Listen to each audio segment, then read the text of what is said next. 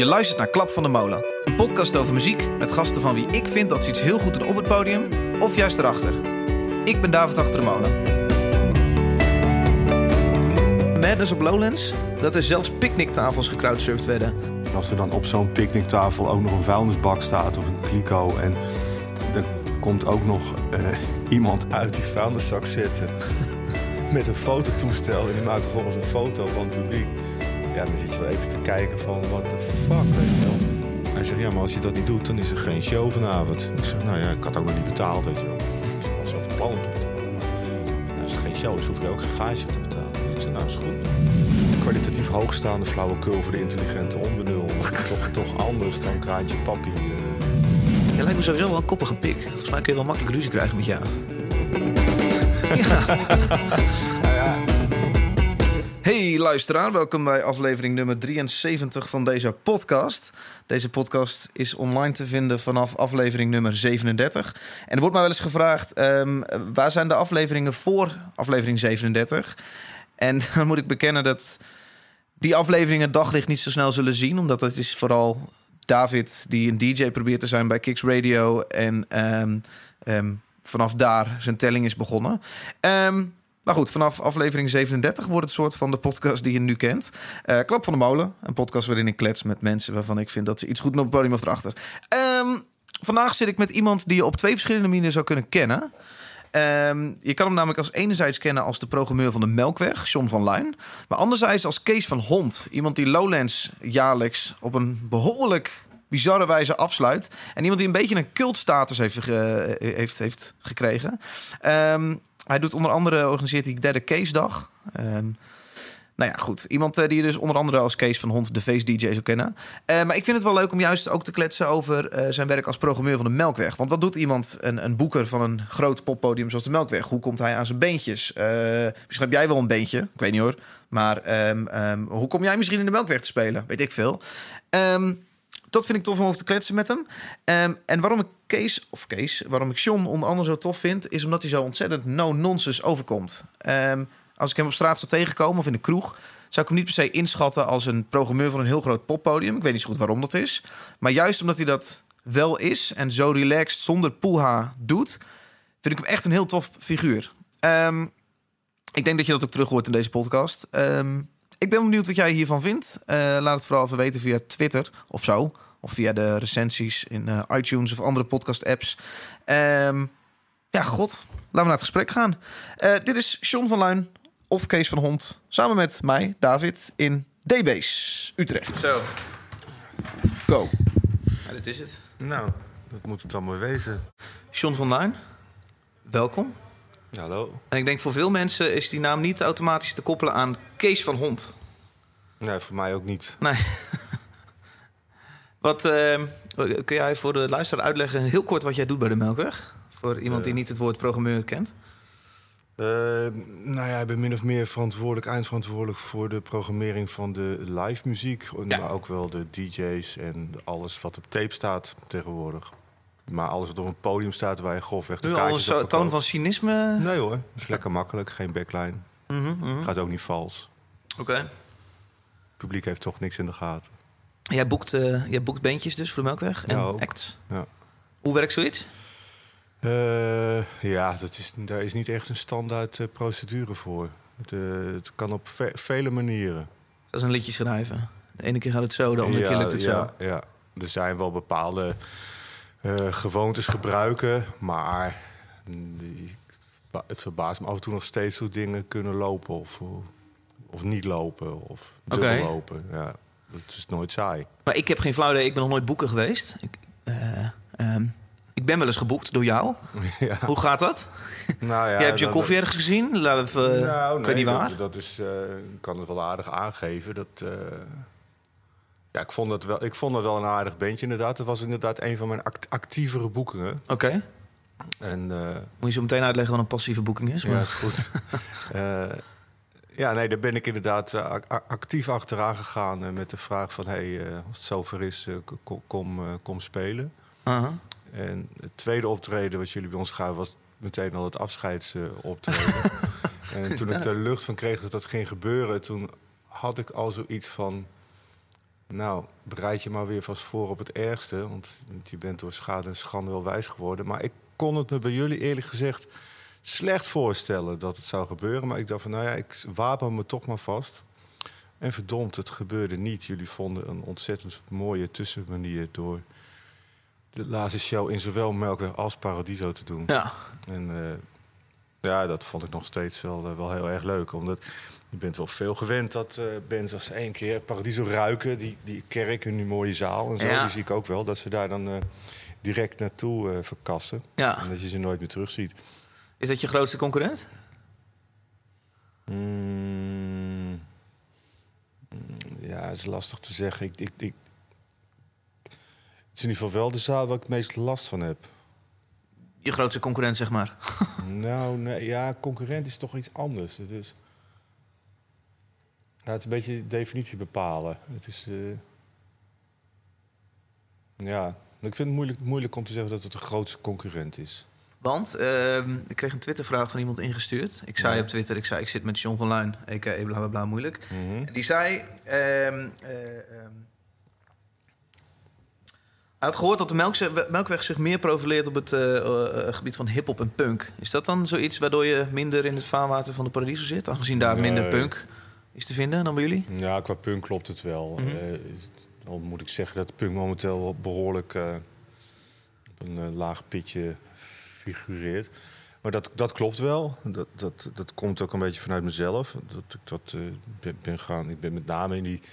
eigenlijk al vanaf het begin, maar zeker toen die zogenaamde tweede of derde punkgolf kwam, hè, zeg maar, met eh Offspring, eh, Epitaph en Pennywise, dat soort dingetjes. Mhm. Ja, daar ben ik wel heel fanatiek opgesprongen toen. En, eh, en daar had ik inderdaad geen last van, van de overburen. Want die hadden namelijk gewoon geen idee waar het over ging. De- dus dat, eh, Maar dan hebben zij, zoals ik je onderbreek, maar dan hebben zij gewoon niet een programmeur, programmeur zitten die Nee. verstand heeft van punk. en nee, want we hadden, we, hadden toen alleen nog maar de kleine zaal waar 700 mensen in konden. En ik, ik kan me nog herinneren dat we geloof ik drie keer achter elkaar Better Religion hadden. En dat het gewoon ja, drie keer uitverkocht was. En die band, logisch, die wilde natuurlijk een stapje verder zetten. En eh, die, die benaderde Paradiso. En Paradiso zei gewoon nee. Zo van, eh, nee, dat, er komt geen, met het idee van, ja, er komt geen hond op af. Ja, dan en, heb je eh, geen idee. Ja, Die hadden echt geen idee. En toen hebben ze uiteindelijk hebben ze wel, eh, wel één, één show gedaan. En eh, die verkocht ook uit. En, maar toch, het is nooit doorgezet, ook niet met andere bands. Nee, daar zit inderdaad geen, geen know-how. Maar bij hip-hop wel hoor. Dat zeker wel. Ik bedoel, misschien een ander stijltje, maar ja, hip-hop doen, ze, dat doen we allebei wel. En zeker nu, het is natuurlijk heel erg overkoepelend groot geworden, zou ik bijna willen zeggen. En natuurlijk, natuurlijk willen we allebei. En dat, dat, dat- zo gaat het ook de hele tijd touw trekken. En ja, een beetje western, cowboy, cowboytjes spelen. Dat is een beetje wat het is. Ja? Ja. Maar je zegt nu wordt het nu het groter, maar dan doe je natuurlijk op de Nederlandse hip-hop eh, golf. Van, nee eh, hoor, ik, ik, ik heb het ook over. Als je de Childish Gambino hebt gezien van vorige week, die, eh, de clipje This is. America. Nou, dat is niet, niet bepaald Nederlands en toch wel echt wel heel veel groter nog. Ja, oké. Dus het eh, Nederlands natuurlijk. Eh, het voordeel van Nederlands is dat, dat die jongens, eh, of nadeel eigenlijk ook meteen, iedere aanbieding gaan ze op in. Dus ja, die spelen overal. Dan moet je dus juist uitkijken dat, dat ze niet al te veel in de buurt gespeeld hebben. want Dan is er geen touwtrekkers meer balletje overgooien met Paradiso. Nu mag jij Ronnie Flex, doen wij even over twee weken Ronnie Flex. Ja, nou ja, Ronnie Flex is dan net niet het goede voorbeeld. Maar, eh, maar, maar wel, eh, je hebt, in principe heb je punt, ja. Ja. Oké. Ehm, ik ehm, ben heel benieuwd hoe een gewone dag voor jou eruit ziet. Gewoon, John gaat naar zijn werk. En ik heb al zo'n Nou, idee eh, dat er niet eens eh, zo'n hele gewone dag is. Maar jullie zullen vast je vaste momenten hebben als vergadering? Of hoe, hoe Ja. gebeurt het op maandagochtend? Maandagochtend, nou, maandagochtend gebeurt er niks. Oh. Want, eh, dat, dat is gewoon de dag dat ik denk van zoek het even lekker uit. Dat is mijn vrije dag. En die dag was vroeger echt, echt vrij. Ik echt dacht, ik doe ook niks. En dan konden ze me wel bellen in geval van nood. Maar tegenwoordig met, met eh, e-mail en, en je planbord allemaal online. En in je telefoon zelfs. En, voorverkoopcijfers en alles. eh, ja, ook wel gewoon, doe, doe ik wel gewoon mijn mail. En, en, en geef ik gewoon antwoord. Dat doe ik altijd wel. Ik denk dat dat ook wel een van de belangrijkste onderdelen is van het werk. Om gewoon heel snel op alles te reageren. Dus, en dat doe ik dan met name vanuit eh, huis op Ja. maandag.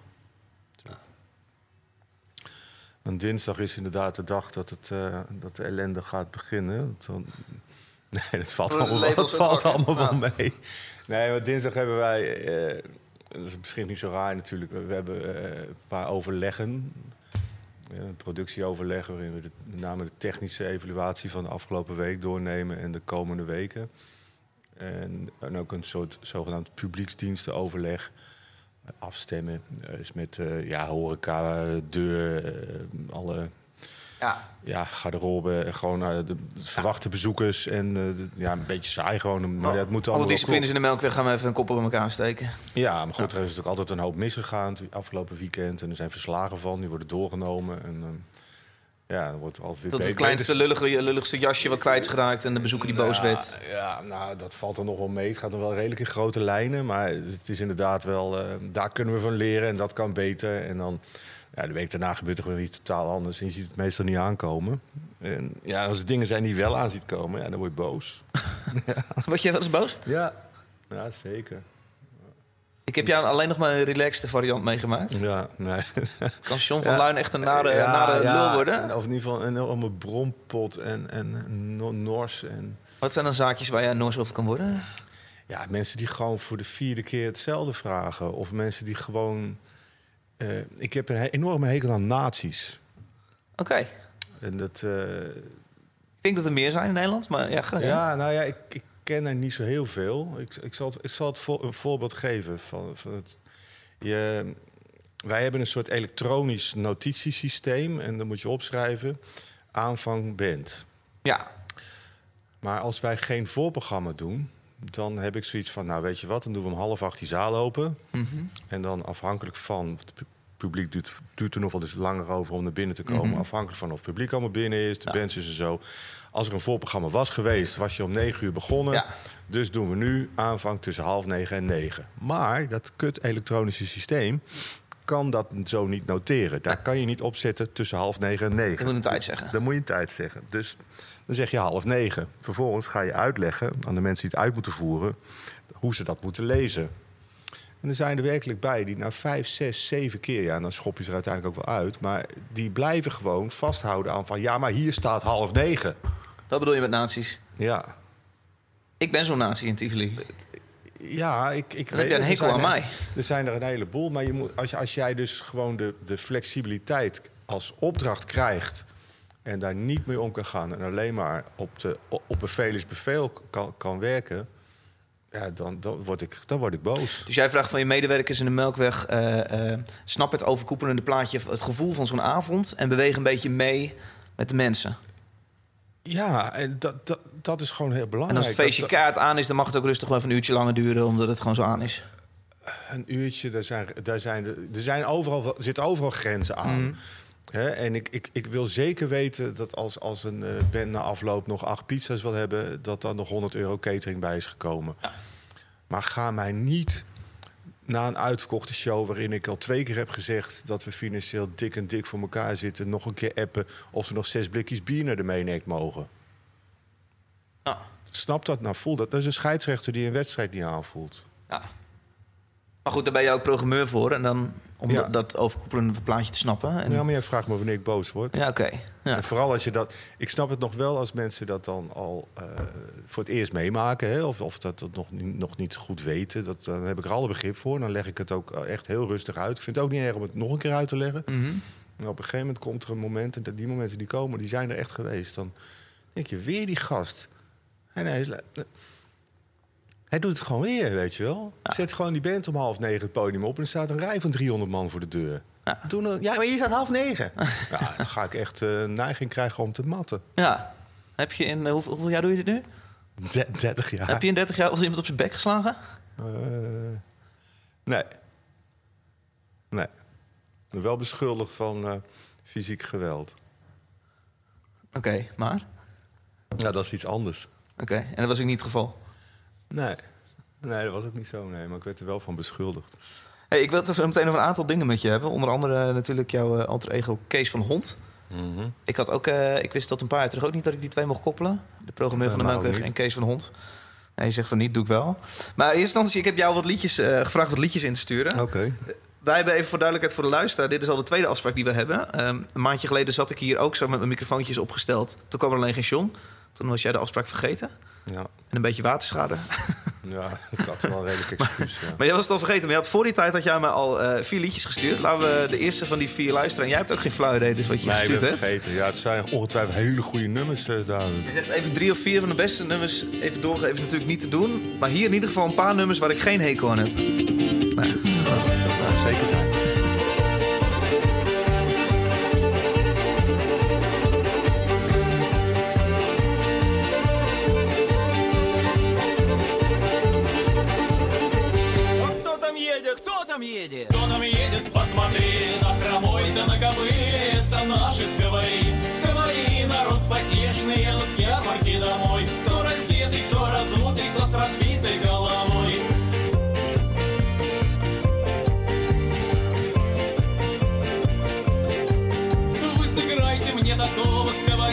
потешного, чтобы брюка не болела у меня у грешного. Вы сыграйте мне такого, чтобы ноги дрыгали, чтобы всякий сопленосый перед нам не прыгали.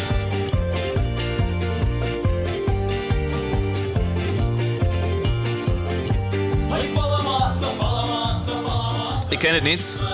Ik had ook niet verwacht dat ik iets zou kennen van wat jij op zou sturen. Wat is dit? Het is uh, Otavio uit eh, Sint-Petersburg, Rusland. Rusland. Ja. Waarom eh, kwam je hiermee aanzetten? Dat ik het een heel goed nummer vind. Ik kan ook niet zo gauw een eh, nummer bedenken of een bandje wat hierop lijkt. Nee.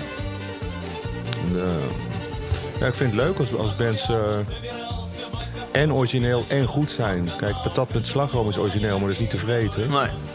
Maar dit is heel muzikaal. Het is dansbaar. De, het is een taal die je niet vaak hoort. Russisch. Nou ja, je hoort het wel, maar niet in, eh, in goede muziek, zeg maar. En ja, die combi. Ik, ik vind het ook leuk om naar ze te kijken. Dat doen we trouwens nu ook. We kijken naar een clipje. Ja, nee, maar goed, ik heb ze dan ook live eh, verschillende malen gezien.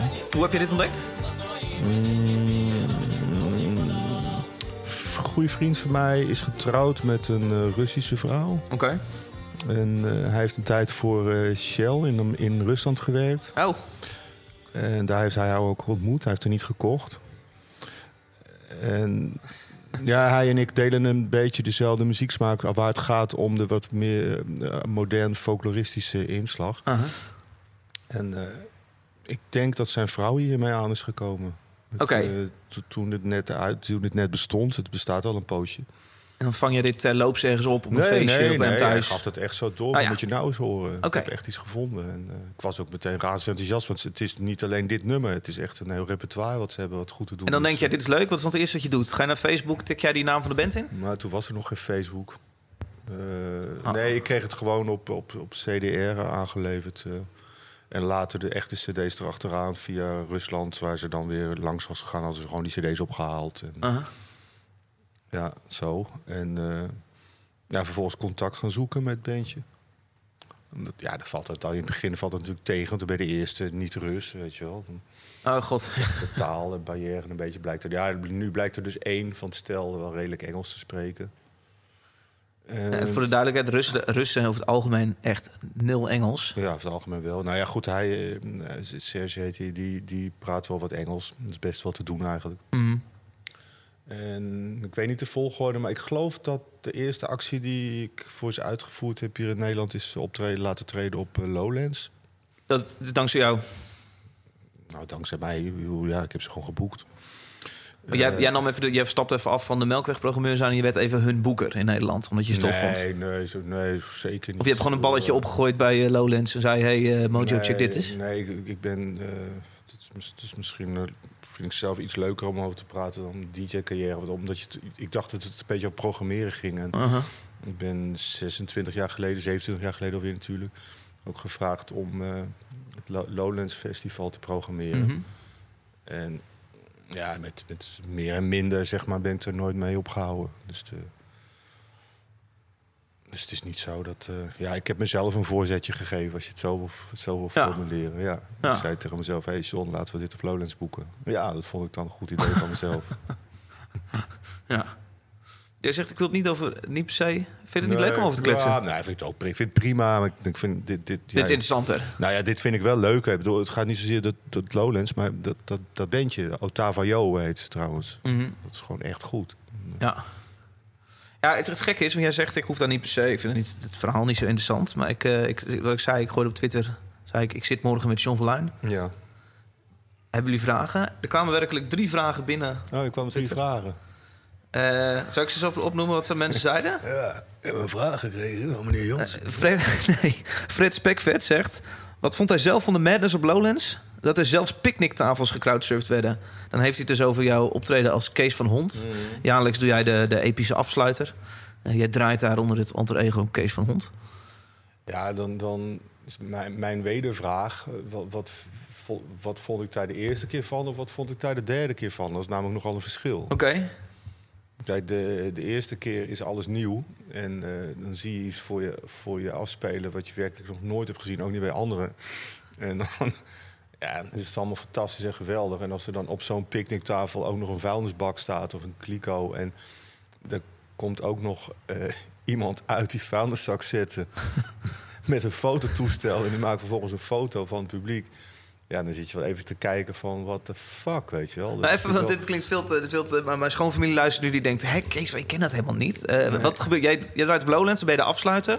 Dan zet jij gewoon nummertjes zet je Ja, op. Nou, nee, ik draai, ik draai feestmuziek en dat is iets wat, eh, wat je eigenlijk nooit hoort. En eh, dus de, het was gewoon Op een Lowlands? nee, sowieso niet. En ik- tenminste, ik hoor het nooit ergens. Aha. Een enkel nummertje misschien, maar in ieder geval niet, niet vier uur achter elkaar. Dat echt, echt nog nooit. Maar dan ook echt nog nooit gehoord. ergens. Ja, behalve toen als ik zelf draai. Fe- maar- Feestmuziek?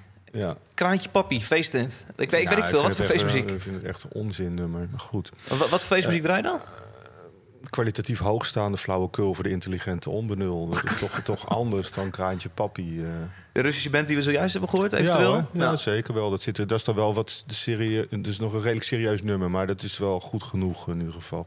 Nee, het, het, het is, het is in de, over het algemeen een pan-Europese folktraditie gebaseerde, eh, doorgaans wel actuele muziek. Maar Mhm. ook wel wat oudere dingen, maar het, is- het is wel redelijk van nu. En ja, vro- vrolijkheid vooral. En eh, geen gespeelde vrolijkheid, maar echt. Dus de, en, ja, nee, Kraantje Papi, fake. Ik ken dat nummer heus wel hoor. Maar ik ben ook wel eens het podium opgelopen bij Kraantje toen hij dat nummer speelde. Met, met, me in mijn case outfit.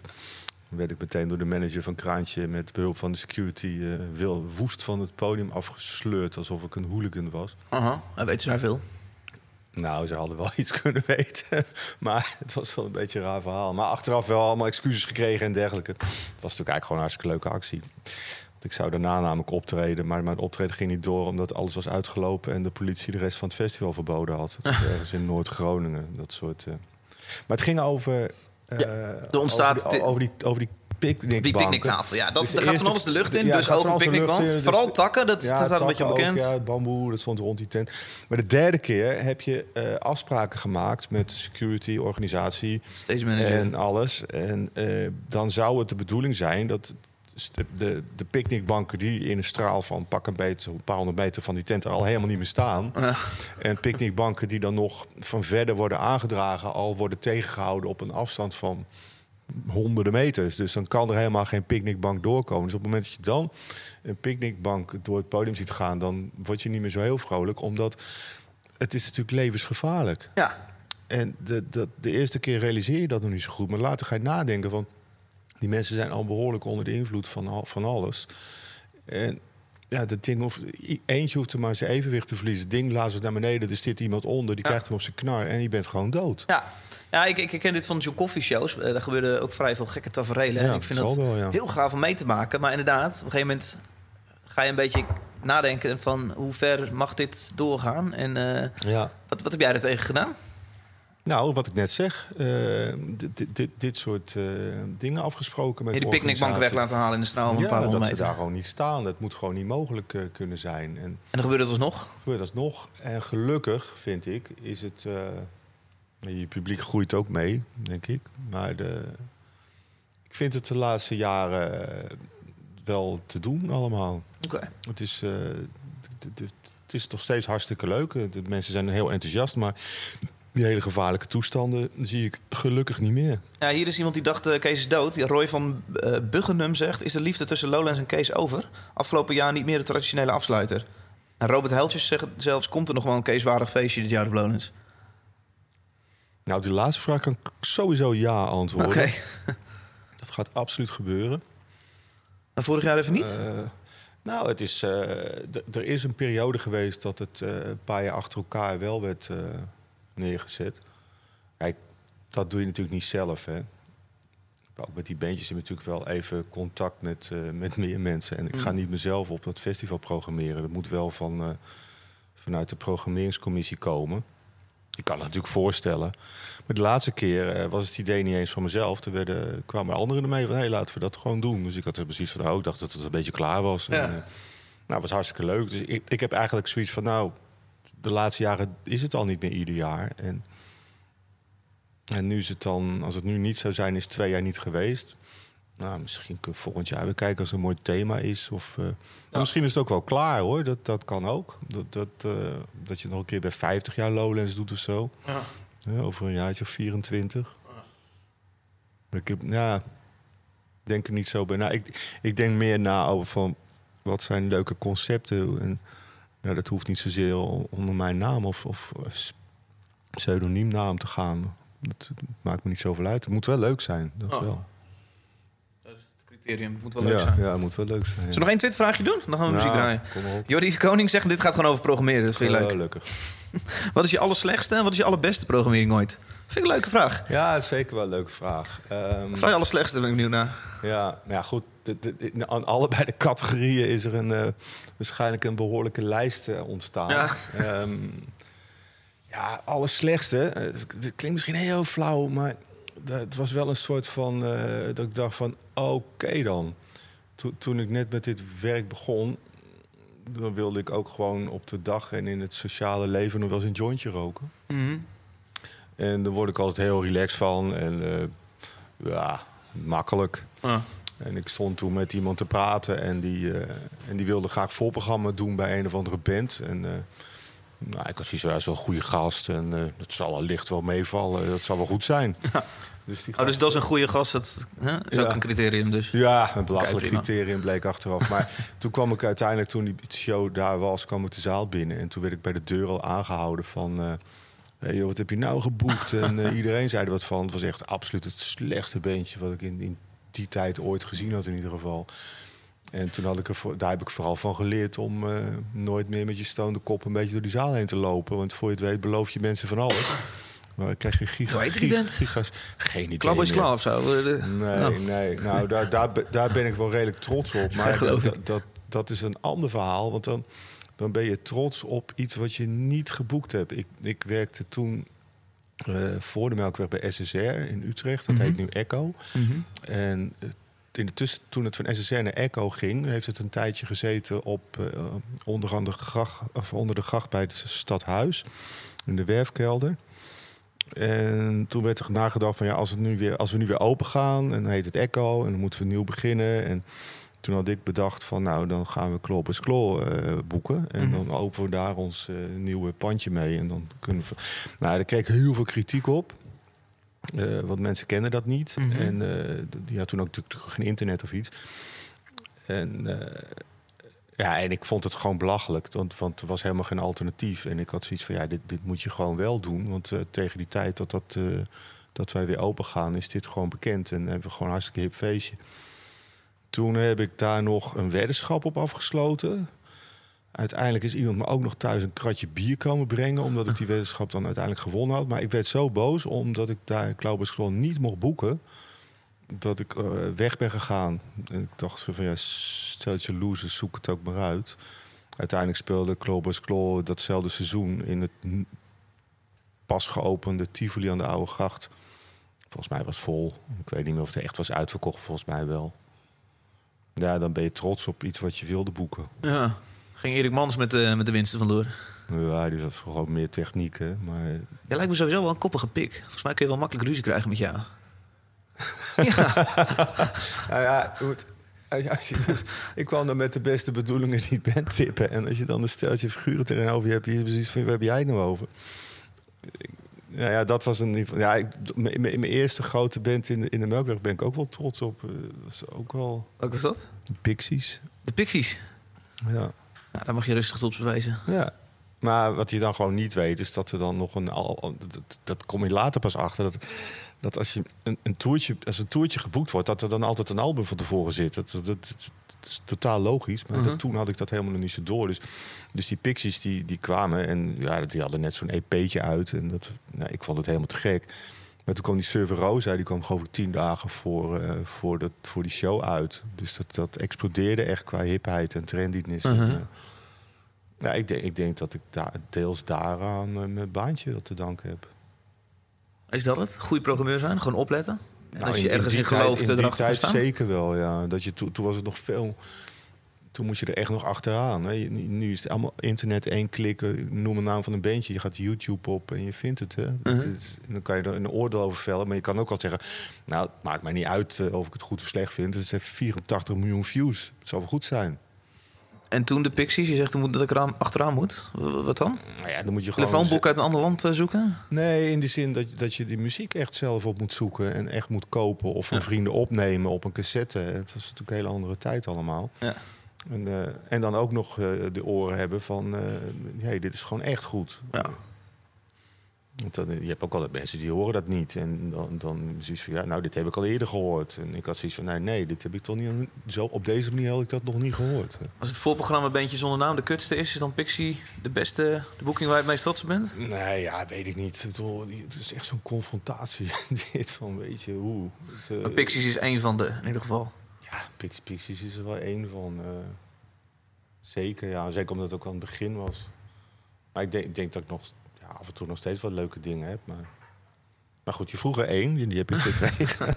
Gaan een, een track van je draaien. De, Deadman. The Dread Crew of Atwood. Oh, die zijn leuk, ja. Zeg maar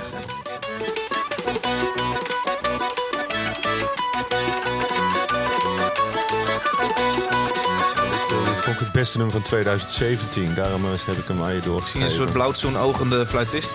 Ja, het lijkt ook wel een beetje op blauwtsoen. eh, als je het geluid uitzet.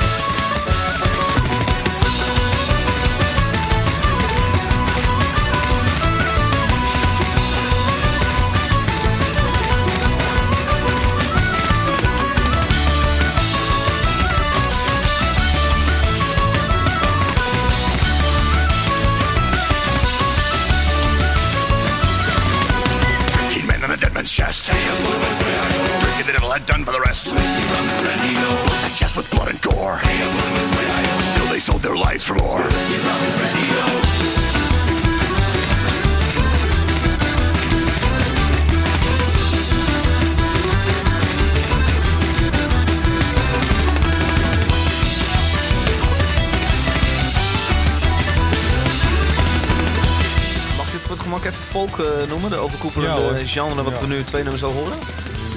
Ja. ja, zeker mag dat. Is dit jouw favoriete, eh, favoriete genre? Ja. Ja. Dat is makkelijk. Ja. Ah, dit is dan een beetje... Punky. eh Ja, dit is een beetje pokes. hè. zit de zanger van Floggy Molly erbovenop en dan heb je gewoon Floggy Molly. Nee, ik denk dat eh Vlog, Vlogging Molly eh, sowieso al jaren geen fatsoenlijk nummer meer heeft eh, gecomponeerd. En dit soort elementjes wat je nu hoort, dat zit alleen op een paar momenten op hun eerste album. Ik denk dat eh, deze band speelt ook alleen maar op traditionele instrumenten. Dat doet Vlogging Molly ook niet. Daar zit alles toch heel erg op die viool. Nee, ik vind, het niet dat je dit zo 1, 2, 3 op Vlogging Molly kan. eh, ik vind het ook veel meer piratenmuziek. Oké. Ik zie Black Sails, die serie voor me. Dat zie ik bij Vlogging Molly eigenlijk helemaal niet. Niks tegen Vlogging Molly hoor. Ik, Nee, ik nee, ben nee. er zeker in de begintijd een enorm fan van geweest. Nee. Maar ik snap wel dat je het zegt. Maar, Ja. maar dan, moet- dan moet je ook zeggen dat... eh, we hadden net even een beetje flauw over Blauwtsoen. Dat, dat Blauwtsoen, Sufjan Stevens en Dotan... is ook alle drie ongeveer hetzelfde. ja, nee, precies. Dus dat heeft er gezegd, maar eh, ja. Ja, het is allemaal een beetje eh Anglo-Saxisch, Engels georiënteerd... Amerikaans georiënteerde neuzelerij muziek. ja.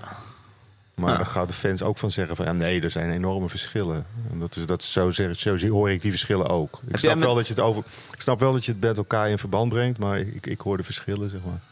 Zit jij met, met elke programmeursvergadering te strijden... omdat jij weer 30 avonden volk eh, van plan bent die maand... en dat zij helemaal we, hebben zeggen... we hebben geen programmeursvergaderingen. programmeurs hebben jullie eigenlijk? Drie. Nou ja, die, die muziek doen drie. En we hebben nu sinds kort hebben een eh, productieassistent eh, verblijd met het feit dat hij eh, ook nachtprogrammering mag gaan doen. En Oké. Dat, dat willen we ook hoor. Want de, dat, dat is wel een groot ding. Dat het dance programmeren.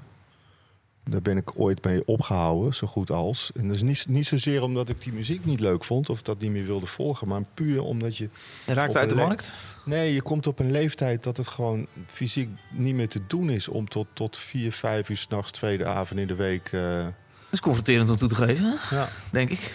Nou ja, god, het is zo. En je ziet het bij alle andere zalen ook. Dus het is niet iets om, om je voor te schamen. Maar de, de dansprogrammeur die we nu hebben, die, die komt langzamerhand ook op die leeftijd. Dus nu is hij weer het stokje door aan het geven. Ja. En eh, ja, ik, ik vind het volkomen logisch dat je op een gegeven moment, ik zeg maar wat, na je 40 of na je 45 of zo, ik vind dat dat mooi, 40, 45. Om het een beetje aan te houden als eh, cijfers. Maar als, als je boven die leeftijd komt, dan, eh, ja, dan, dan wordt het gewoon allemaal net ietsje zwaarder en net ietsje moeilijker. En dus ja, vaak wordt er dan inderdaad gesuggereerd van... nou ja, je bent oude lul en je weet het verschil niet meer tussen dubstep en grime, ik noem maar wat. Ja, dat weet ik heus wel, maar ik, ik, ik weet het verschil misschien niet meer tussen dubstep en grime als het vier uur s'nachts is. Ja, dat klopt. Sorry, je weet niet meer het verschil tussen dubs en grime als het vier uur Vier uur s'nachts is. is, te precies. slapen. Ja, dan ligt de pittig. Ja. Ja. Oké. Dus eh, nee, we hebben geen drie, Dus drie danceprogrammeurs moeten er onder de, onder de 40 zijn en daarmee klaar. Ja, en niet zozeer omdat die muziek nou zo, eh, zo eh, uber, uber geschikt voor jongeren is, maar puur omdat het zich het speelt zich s'nachts af. En ik, ik heb echt gesprek hoor, ook met, met, met die echte dance-tijgers, die, die, ja, die kunnen niet anders. Ja, die zitten ook echt te zoeken van hoe, hoe, hoe moet dit? En of, je, of, je, of je krijgt een vrouw die dat niet meer trekt, of je krijgt kinderen waardoor je een ander leven krijgt, of, of je krijgt een man, weet je wel. Er zijn ook eh, vrouwelijke programmeurs voor de nachten.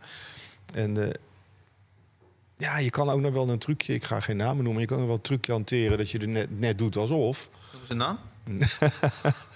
Nee, dat doe ik niet. Maar ik- ja, ik kan voorbeelden geven van hoogst eh, confronterende situaties. Dat je dus in midden in de nacht een situatie hebt dat je echt een hele grote DJ hebt. En zijn moeder staat voor de deur en die komt er niet in. En hij zegt, ik ga niet beginnen met draaien als mijn moeder niet binnenkomt. En er is daar gewoon niemand in die club die die, die, die connectie kan maken. Die, die, dat, dat is zo niet georganiseerd. Er is gewoon niemand die die programmering eh, vertegenwoordigt. Want de programmeur zelf ligt gewoon al lang op bed. Ja. En die, en die is er gewoon niet. ja. Ja, dat, dat kan je een keer laten gebeuren. Is er Maar ook iets mis qua communicatie in de club? Als Ja, dat, eh, dat een programmeur alles voor nodig is? tuurlijk, voor zo'n tuurlijk. situatie? Nou ja, ik bedoel, die- dit was een avond op Amsterdam Dance Event... waar gewoon iedereen normaal aanvoelt... daar hoor je als programmeur te zijn. Als je er niet bent, dan stuur je assistent of whatever. Maar daar hoort één programmeur die dit nu hoort en die denkt... Oeh, Nee, die hoort dit- dit niet, want die is zo niet bezig met, Oké, met te volgen. dat is leuk. Je zit allemaal niet om het zwart te maken. Spannend. Ja, we hebben echt geen zin om namen te noemen. Nee, doe dat absoluut niet. Maar ik geef wel aan wat, wat er gebeurt. En, en, en denk dat je, ja, als je dan toch dat werk blijft doen, dan moet je ook accepteren dat je op een gegeven moment ook dingen niet meer krijgt. Ja. Want dat gaat natuurlijk wel rond. En eh, dat is dan ook aan de hand. En, en, en ja, dan krijg je discussies. En op een gegeven moment komt er natuurlijk na een loop, verloop van jaren, want het is wel weer een poosje terug, komt er natuurlijk wel in jongeren. Want dat is namelijk wel wat er nodig is. En bij, bij bandjes heb je dat ook nodig hoor. Dat moet je ook wel eh, aanvoer van onderaf hebben. Maar daar, die, die, die live shows tegenwoordig, die, die zijn allemaal om 11 uur klaar. Dus het is allemaal nog wel te behappen. Mhm. Ja, al vind ik het vaak ook niet te behappen om tot het einde bij een live show te blijven. Maar dat is een andere reden. Volgens mij zeg je gewoon... je moet vooral programmeurs hebben die het heel leuk vinden om te doen. Want dan wil je ook aanwezig zijn op die avonden en nachten. Ja, nou, je moet het en willen, maar je moet ook weten wanneer het moet. Ja. En, eh, die- die- ik sta volgende week maandag echt niet zo eh, te juichen bij Rita Ora... omdat ik dat zelf nou zo, leuk- zo Nee. leuk vind. Maar het moet wel. Want er zijn situaties Ja, waar je een artiest niet kan vertrouwen. Waar je... ja van alles. Ik bedoel, dus het is een heel proces voorafgaand aan de show geweest. En eh, daar, daar weet jij, als het goed is, de hoed en de rand van. Mhm. En, en ja, d- als, als, als je dat dus overlaat en dan, eh, dan ja, dat, zoals ben, eh, de collega Ben het ook wel zegt, ja, als je, hoe minder vaak je zelf bij je eigen producties bent, eh, dan krijg je echt eh, als de kat van huis is situaties. Dan gaan mensen zelf het, het bedenken. En dat kan dan tegen de algemene afspraken of tegen de ge- gebruik ingaan. En nee, bij dat soort shows moet je er gewoon zelf zijn. Het klinkt een beetje abstract, denk ik, voor de luisteraar. Eh, en voor mij ook. Ehm, een voortraject. Dus je hebt gemaild op en neer. Dit en dat moet er aanwezig zijn, zegt de artiest dan. Ik wil, eh, ik wil hele dure champagne in mijn kleedkamer. Dan zeg Ja. jij, dit is de costing, daar is geen geld voor. En dan zegt Ja, zij, ja, godverdomme, dat wil ik wel. Is dat een voortraject waar het eh, spannend kan worden? Nee. Wat dan? Nee, Nee, het, het, het, gaat, het gaat meer om... eh, ja, dit- het is totaal wisselend, maar... Ik, wat, wat ik hier wel een beetje aan zie komen, of zou, zou mogen verwachten... is de, de diva die te laat eh, aankomt. Hoe ga je ermee om? Wat is een meerwaarde dat jij er dan bent? Dat jij kan zeggen, je- ik ben in macht om te zeggen... rot maar op, je hoeft niet meer te zingen, je krijgt geld niet. Als, als, als, als ik de beslissing neem, dan, dan, dan is het mijn verantwoordelijkheid. Als iemand anders die beslissing neemt, is het ook mijn verantwoordelijkheid. Ja. Dus als jij die beslissing neemt en je neemt in mijn ogen de verkeerde beslissing, ben ik nog steeds verantwoordelijk. Maar dan, ben ik, dan baal ik, want als ik er zelf was geweest, had ik Ja. het niet gedaan. Ja. Eh, nee, dit, ik kan me voorstellen dat, dat, dat er op het laatste nippertje iemand eh, op komt af of komt vliegen en zegt: ja, weer even een stuk van het balkon afrokken, want dat willen we voor VIP-area Mhm. gebruiken. Terwijl ik zoiets heb ja, we hebben die kaarten verkocht. Precies. Oh, oh nee, er moet toch een barrier of een catwalk. Ik bedoel, ik, bedoel, je kan maar de raarste dingen bedenken. En dan, dan kan er zomaar iemand zijn die denkt van ja, nou ja, we hebben dat staan. En die haalt het gewoon tevoorschijn en die zet het neer. En dan eh, ben je dus 50, ke- 50 plaatsen kwijt die je wel verkocht hebt. Eh, ik verwacht dit vooral als heel veel druk op de gastenlijst. En eh, tuurlijk, als, als er, een, als er een, een technische storing komt... door, door, doordat zij te veel eh, krachtstromen opgebruiken... Ik, ik roep maar iets onzinnigs... Nee, daar kan ik inderdaad niet zoveel aan doen, nee. Maar dan kan ik wel ter plekke bij mijn technici de oorzaak van de storing opvragen. Om bijvoorbeeld te kunnen, met argumenten te kunnen aantonen dat het niet aan ons lag, Nee. maar aan jullie verrekte kutspullen. En dat ter plekke. En niet een dag later in een mailtje, want dan is alles alweer verwaterd en dan zijn ze alweer bezig met de volgende show. Nee, die, dat moet je op de avond zelf direct tackelen en zeggen: hé, hey, je moet ligt daar aan. Die gast heeft dat niet goed ingeprikt. Ja. Dat. Ik had laatst een, eh, een tour binnen in Tivoli. Eh, ik zal de naam niet noemen, maar een aantal reizende bandjes die samen eh, Europa doorgingen.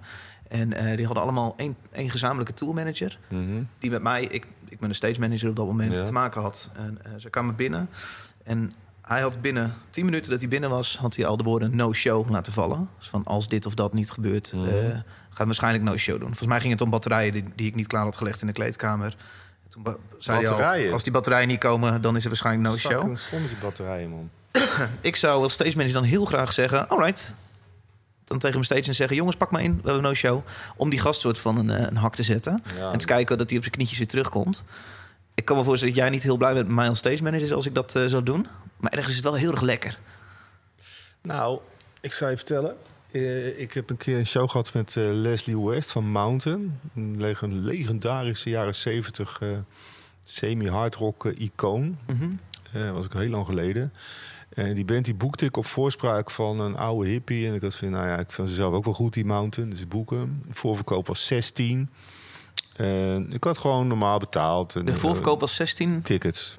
Oh, En de, bij de soundcheck kwam de tourmanager op me af om te zeggen dat eh, het hotel van Leslie niet goed was, want die moest minimaal vier sterren hebben. ja, maar dat is natuurlijk een wassen als je 16 tickets hebt verkocht. Ja, dus ik zei van, ik zei, nou dat eh, gaan we dus even lekker niet doen. Nee. En eh, hij zegt, ja, maar als je dat niet doet, dan is er geen show vanavond. Ik zeg, nou ja, ik had ook nog niet betaald, weet je wel. ik was wel van plan om te betalen, maar ik nou, als het geen show is, hoef ik ook geen gage te betalen. Dus ik zeg, nou is goed. Laten we het daarop houden. Dus ik loop de tent uit. En ja, geen mobiele telefoon. Hetzelfde verhaal als net. En ik kom thuis. En mijn toenmalige vriendin die zegt... Ja, José die belde net op. En eh, ja, je moet er meteen maar terugbellen. Dus ik bel José op. Ja, John, ik had een situatie hier. En eh, ja, als ik, ik heb een vier hotel voor Leslie geboekt. Want anders treedt hij niet op. Ik zeg, ja, dat is precies wat ik met hem afgesproken had. Ja, Ja. Dat hij niet op zou treden, want dat ga ik niet doen. En nou heb jij dat dus geboekt. Dus omgekeerd. Dus de, ja, daar baal je van. Maar ik heb vaak, zeker vaak een situatie dat je een... eh, en dat is echt niet eenmalig, dit is echt wat heel vaak gebeurt. Is de, tegenwoordig is het zo dat de, de hoofdprogramma's nemen zelf de voorprogramma's mee. Ja. Heeft meestal Komt zo. veel voor, ja. Komt, komt heel veel voor. Hè, Voorprogramma's kopen zich in of, Ja, wat het ook is. Wordt de nightliner van de hoofdprogramma onder andere van Ehm, betaald. De, het voorprogramma mag niet over de geluidstafel van het hoofdprogramma. Nee, klopt. Dan zeg ik, nou, dan spelen ze akoestisch. Oh ja, dat is zo rechtlijnig eh de dat is- ja, of de spelen ze maar niet. Interesseert mij geen reet. Maar oh, ehm, krijg een telefoontje. Het hoofdprogramma gaat zo lang door met zijn soundcheck. Er is zometeen geen tijd meer voor het vo- voorprogramma. Ik ga het hoofdprogramma eraf kicken. Ik zeg, ben je helemaal besodemieterd? We hebben een uitverkochte zaal. Je gaat het hoofdprogramma toch niet de soundcheck laten afbreken... omdat het voorprogramma waar niemand voor komt... Nee. waar wij niet op zitten te wachten... dat meekomt met het hoofdprogramma... zo nodig een soundcheck moet doen. Ja, maar wij willen als club alle bands de, de, de beste service geven. Ik zeg, ja, dat is heel eh, galant. Maar in dit geval interesseert het me gewoon geen ene Wil, wil ik niet later open gaan eh, voor de soundcheck van het voorprogramma? Hey. Ik, ik boek dat voorprogramma toch niet? Nee. Wat heb ik daarmee te maken? Ja. Dat ze niet over de tafel het hoofdprogramma moeten. Ja, dat is dan heel erg jammer. Maar dat hoofdprogramma neemt ze mee. Ja. Het is altijd hetzelfde. Als het echt keihard wordt gespeeld... dan komt er uiteindelijk een telefoontje van de agent... naar de tourmanager van het hoofdprogramma. En dan mag het voorprogramma wel over die, over die tafel spelen. Ik denk, dat jij een, eh, ik denk dat jij een goede stage manager zou zijn. Omdat je daar zou staan met de mindset van een programmeur. Maar je kunt je toch voorstellen dat stage managers niet per se met deze mindset, met deze zelfverzekerheid, calls maakt zoals jij. Dus zich aan heel hard aan tijden willen houden die op call sheet staan. Nee, maar... Ja, nee, zeg je seks? maar jij, jij bent toch ook op dat moment toch de oren en ogen van de programmeur, Nee, of niet? precies. Ja. Maar, maar, maar ik, en heb jij niet ook wat meer technische bagage misschien dan een gemiddelde programmeur? Ik heb wel eens gitaar ingeprikt, inderdaad. Kijk. Doe een liedje, de, je wel eens over?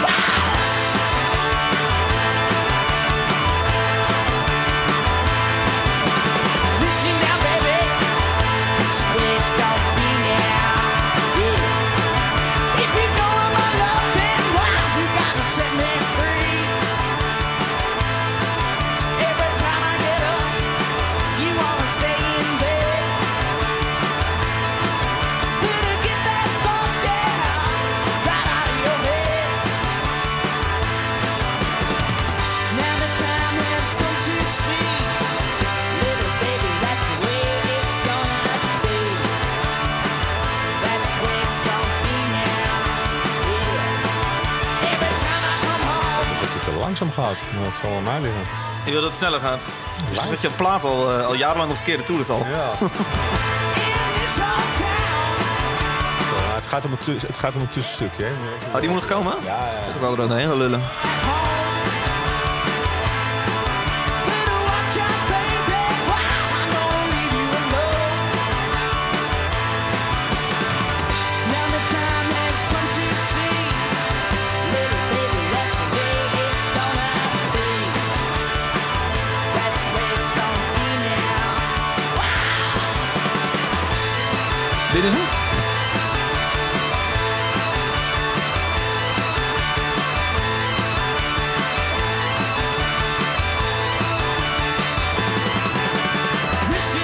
De Hammond? Dat was het tussenstukje wat jij wil horen? Ja. Nou ja, dat vind ik wel een heel goed tussenstukje. Ja. Ik, ja, het zal te veel koffie op hebben, maar ik heb echt het gevoel dat hij te langzaam loopt. Maar goed, maakt niet uit. Het is nog steeds een goed nummer, vind ik wel. Hey, ik draai liedjes in deze podcast. Dan heb ik natuurlijk te maken met de Buma. Ik heb een, sinds kort een licentie voor de muziek die ik draai. Wel ja. Daarom mag ik nu muziek als deze van de Cynics draaien. Dan gaat de buurman gaat de Cynics dan eh, een bepaald percentage Dat overmaken. Dat is het idee van dit Oh, eh, ding. dat idee, dat mijn geld in principe Gaat via de Buma. naar Otava Jo in, in Sint-Petersburg gaat. Ja. Dit is het idee. Ja. Zou het zo zijn? Eh, nu- is de, de, de boekhouder van de Buma is nu met medeneming van de Buma geheimen eh, heeft ontslag genomen. Die heeft zijn hele, het hele archiefje mee, mee, het pand uitgesmokkeld. eh. Ik vind je een beetje cynisch klinken over de. Buma. Nee hoor, dat, zijn, dat is het nieuws wat ik vorige Nee, week dit ontlok hoorde. ik, dit ontlok ik. Want jij zei in 2014 in een interview eh, over de Buma... zij stelen geld van clubs. Nee, ik heb gewoon gezegd het is de gelegaliseerde maffia. Maar goed, dat, dat, dat, eh, dat blijf ik niet herhalen. Eh, ik, heb, ik, ik, ik heb dat toen gezegd, ja. En, eh, ja, dat moet, wat, wat moet ik er verder over zeggen, joh? Kijk, in principe is het idee achter de Buma wel goed. Ja. Ik draai hier een liedje van de Cynics. Zij krijgen geld, we rechthebbenden krijgen geld. Van dat Ja. ik zojuist liedje draai, dat komt uit Ja. mijn portemonnee. En dat gaat, of tenminste, de portemonnee van mijn adverteerders. heb, eh, nou, laat ik, ik het idee is goed. Ja, het idee is goed. Mag er het mis? Nou, laat ik een voorbeeld geven waar het misgaat. Want ik werd er toen heel erg afgerekend door, eh, door mensen van de buurman. En ik heb geen zin om naar aanleiding van een podcast weer in zo'n situatie terecht te komen. Nee, gaan we niet doen. Wa- wa- Wat mij toen heel erg dwars zat, was het feit dat eh, de Buma erachter kwam dat het geld wat zij eh, met name bij hip-hop artiesten, live shows eh, aan- Buma kregen toegewezen, dat geld wat wij afdroegen, dat dat niet bij de artiesten kwam om de dood eenvoudige reden dat ze die, de artiesten helemaal niet wisten te bereiken. Hè, bij Dance is dat natuurlijk ook gebeurd. En die hadden zoiets van, nou, laat ik maar even het Buma als een heel nobel gezelschap neerzetten. De Buma had bedacht, van, nou, dat is er ook wat. We hebben zoveel geld eh, van die hip-hop eh, aan die hip-hop overgehouden. En dan moeten we iets terug doen voor hip-hop. Dus wat we- gaan wij doen? Wij gaan een Buma, Buma Beats. Buma Beats organiseren in Ja. Rotterdam. En dan gaan we dat geld teruggeven. Dus wacht even, er is een soort afroombak van elke artiest die ze niet hebben kunnen bereiken om hem uit te betalen. Ja. In die bak ligt een hele hoop met geld. Dat is Ja. over. En dan zegt Ja. Buma, hand op de hart. Wij doen iets terug Ja. voor de community. En we Ja. doen Ja. beats. Oké. Nou ja, Tot zover, Allah. Ja, nee, laat ik nou heel erg eh, vriendelijk blijven. Ja, dit klinkt- dat- dit klinkt is lief. een bak en 100% van dat geld, hè? 100%. Ja, minder Buma. Ja, oké. Ja, minder Buma Buma van de? Buma. Minder kosten. Hè. Je moet natuurlijk ook eh, je moet wel gewoon je, je relaties kunnen laten golven. Ja. Hè. Je moet een abonnementje hebben op de golftuin. Dat is logisch. Dat is ook wel te verklaren natuurlijk. Mm. Ja. Wat kost dat nou per jaar? Eh, 50.000 Ja. per persoon of zo. Of- Jij vindt dat de Buma iets te veel geld eh Nee, dat vind ik terecht, joh. Nee, dat moeten ze echt vooral doen. Dat is belangrijk. Maar goed, ehm, nee, ik ga hier de Buma niet nogmaals afvallen. Ik ben helemaal gek. Nee, die gaan dat nobele Buma Beats organiseren. Mhm. En dan komt een artiest, artiest X uit, eh, uit Amerika. En dat wordt uiteraard ook bij ons aangeboden. Want die shows worden constant bij ons, aangeboden. En dat is ongeveer 5000 dollar waard. Nou, dan ga je een beetje onderhandelen. Doe er een hotelletje bij. Doe er nog een internaltje bij. Doe er nog een duizendje bij. Dan ver- verander je van de euro's nog eens naar... naar van euro's ga je terug naar, naar, naar dollars. Weet je wel. Nou, zo zit je een beetje het heen en weer te kloten. Maar Buma Beats die zit daar gewoon in Rotterdam. En die wil diezelfde artiest hebben. En die zegt, joh, hier heb je 15.000 dollar.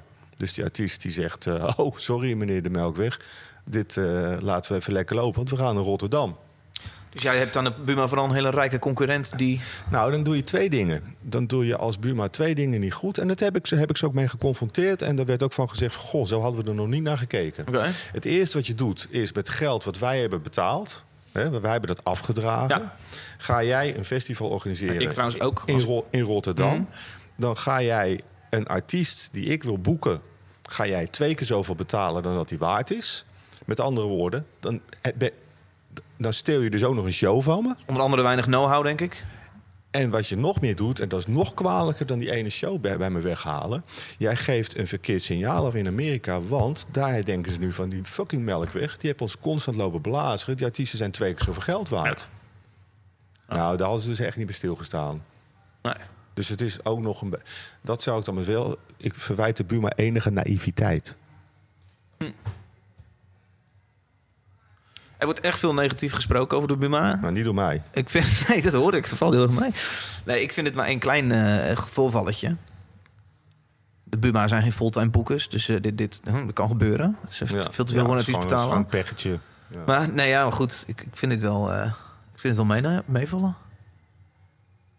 Ja, Maar- misschien valt het ook wel mee. Ja, nee, ik bedoel, en nogmaals, het, het idee daarachter is, is prima. Ik, ik vind wel, ik, naarmate ik begin verdiepen, die, ja, ik zou ook wel eens naast elkaar willen zien het idee achter de, de Sena en de Buma. Wat, wat, het is natuurlijk best wel een verschil. En wat, wat dan, waarom, de Sena hoor, je- Sena nooit zoveel, hè? Nee, nee. Toevallig heb ik ze een paar weken geleden gemaild... en nog steeds geen mail terug gehad ook. Nee, Als er nu iemand van de scène luistert, eh mail Nou, dat terug. is, nou, degene die dat zou moeten horen, die is momenteel de Great Wide Open. Of hoe heet dat? Eh, Great Escape in eh, Engeland, dus die luistert niet. Oké. Hij is ook in Engeland te beluisteren, deze podcast. Oei. Ja. Ja. dan moet je wel Engels kunnen verstaan, hè? Eh, doen we nog even jouw laatste track? Ja, is Dan zijn we er door. Oké. Heerlijk. Kunnen we allemaal gewoon lekker een... eh, Een koffie nemen. ja.